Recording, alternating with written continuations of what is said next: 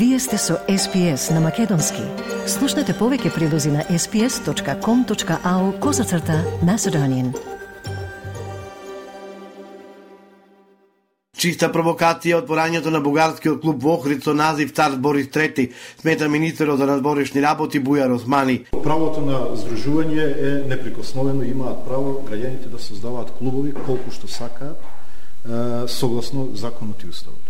Меѓутоа, името не е во согласност со оваа втора точка од конвенцијата, а тоа е во духот на диалог и пријателство, бидејќи ова име ниту придонесува, ниту помага во е, пријателството, разбирањето, диалогот помеѓу народите и помеѓу државите, туку напротив е основа за раздор и нетрпеливост. Отворањето на бугарскиот клуб го осуди и премиерот Димитар Ковачевски. Поред него клубот Бохрите провокација од македонски граѓани кои не сакаат да видат добри односи со Бугарија.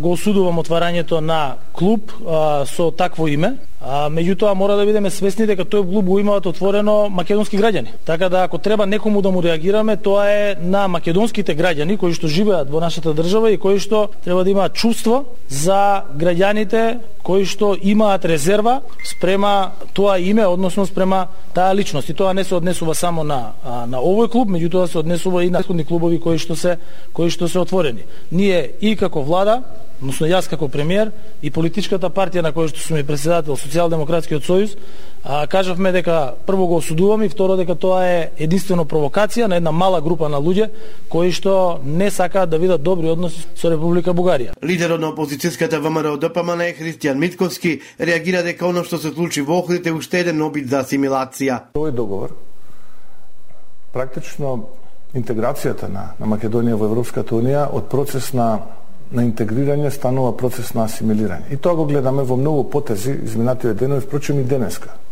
Тоа го гледаме со отворањето на клубот кој што го носи името на на човекот кој што ги предводел фашистичките окупатори во Македонија за време на Втората светска војна и кој што е најодговорен за екзодусот на многу македонски граѓани, македонци, македонски евреи кои што завршуваат во концентрациониот логор Треблинка. Реагира и од Демократскиот сојуз, го студија формирањето друженија на граѓани преку кои се враќа и афирмира фашизмот на територијата на Македонија. Од левица кои застанаа како организатори на протестите во Охрид, велат дека во Македонија и на Балканот нема повеќе простор за рехабилитација на фашистичките идеи, да починување на единството и равноправноста помеѓу народите на сметка на туги интереси. И додека партиите се обвинуваат меѓу себе, Почната е постапката за регистрација и на третото бугарско дружение со назив Цар Фердинанд со седиште во Богданци.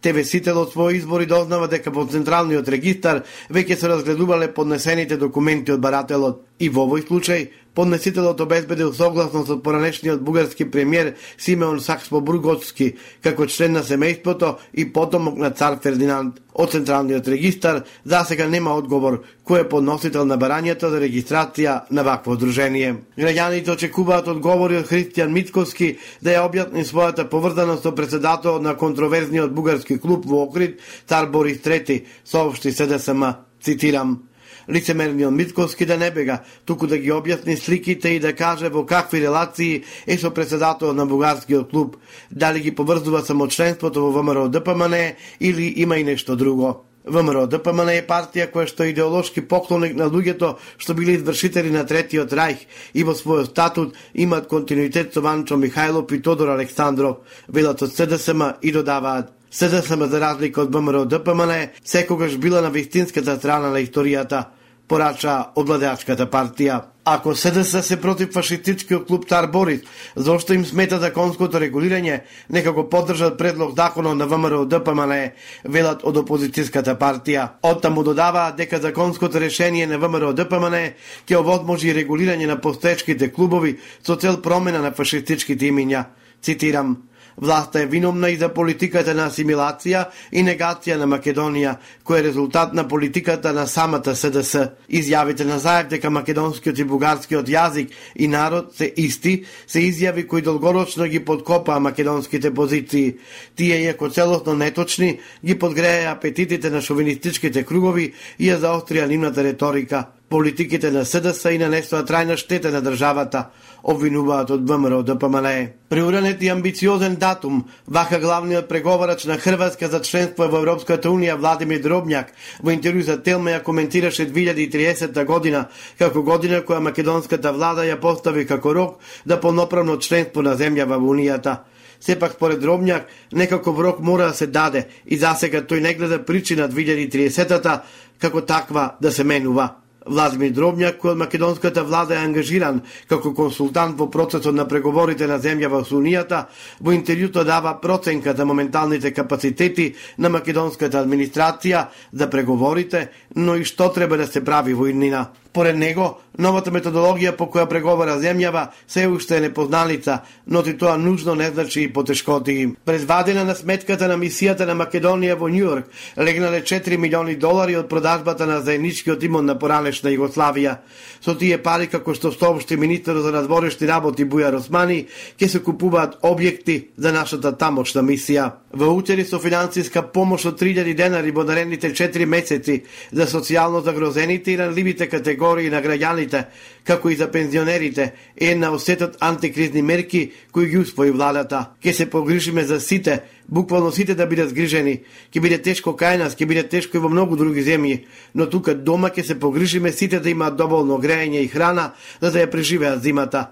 Посветени сме на наоѓање на начини како да ја задржиме ликвидноста на компаниите и животниот стандард на граѓаните, кажа премиерот Димитар Ковачевски во пресцентарот на владата. Обезбедуваме по 3000 денари месечно во наредните 4 месеци или вкупно 12.000 денари за скоро 42.000 граѓани. Тука спаѓаат лицата кои користат право на социјална сигурност, лица кои го користат правото за попреченост, родители на децата со попреченост до 26 годишна возраст кои користат право за посебен додаток, лицата со попреченост кои користат право за помош и нега од друго лице, лицата со потешки трајни промени во застрената состојба, самохрани родители корисници на ГМП, како и невработени лица. За оваа мерка вкупно се издвоени над 8 милиони евра. Директна финансиска поддршка, од вкупно 6000 денари во наредните 4 месеци, значи 1500 денари месечно, има и за пензионерите кои земаат до 11.525 денари пензија, а тоа се над 91.600 пензионери наши сограѓани. Владата ќе обезбеди и помош за образовните, јавните и здравствените установи. Школите ќе бидат на регулиран пазар на струја, зашто се обезбедени милион евра, а јавните здравствени предпријатија ќе набавуваат струја од ЕСАМА по далеку пониска цена од берзанската. Ќе има и струја за мерни станици на пумпи за вода по поволна цена од берзанската, за да не останат без вода граѓаните кои се снабдуваат со пумпи, истакна премиерот Ковачевски. Најавена и помоши за приватниот сектор со поповолни кредити, субвенционирање на проекти за енергетска ефикасност и забрзан поврат на ДДВ. Од културата, турнејата на Кралскиот филхармониски оркестар од Лондон со пианистот Симон Трпчевски и диригентот и уметнички директор на оркестарот Василий Петренко продолжи во Загреб. Нашиот пианист своите концертни настапи до крајот на месецов ги продолжува во Романија, Ирска и Сад. Трпчески, кого хрватскиот печат го нарекува еден од најбараните пијанисти на денешницата, деновиве е солист на турнејата на Кралскиот филхармониски оркестар од Лондон, во чии рамки блесна и на големата стена на Ватрослав Лисински во Загреб. Ова се деби концерти на Трпчевски со миран светски оркестар, што минатата година одбележа 75 години постоење. На турнејата што почна на 2 октомври во Royal Фестивал Хол во Лондон, а продолжи во петокот во Братислава, Словачка, Трпчевски учествува во изведбата на концертот за пијано и оркестар во Амол Опус 16 од Едвард Грик. Со Петренко, нашиот пианист, има долгогодишна соработка, додека британскиот печат ги нарекува тимот со ништата пишува Фокус. О спортот, Во Франкфурт се одржа извлекувањето на составот на групите за квалификациите за пласман на Европското фудбалско првенство во 2024 година, чиј домакин ќе биде Германија. Македонската репрезентација се најде во С групата, заедно со Италија, Англија, Украина и Малта. Ја добивме најтешката можна група, веројатно и сами да биравме, посилни противници немаше да можеме да избереме, но ние веќе се навикнавме на ваква среќа, изјави селекторот на македонската фудбалска репрезентација Милески. Квалификациите ќе се играат од март до ноември 2023 година. Сакате ли да чуете повеќе прилози како овој? Слушате подкаст преку Apple Podcasts, Google Podcasts, Spotify или од каде и да ги добивате вашите подкасти.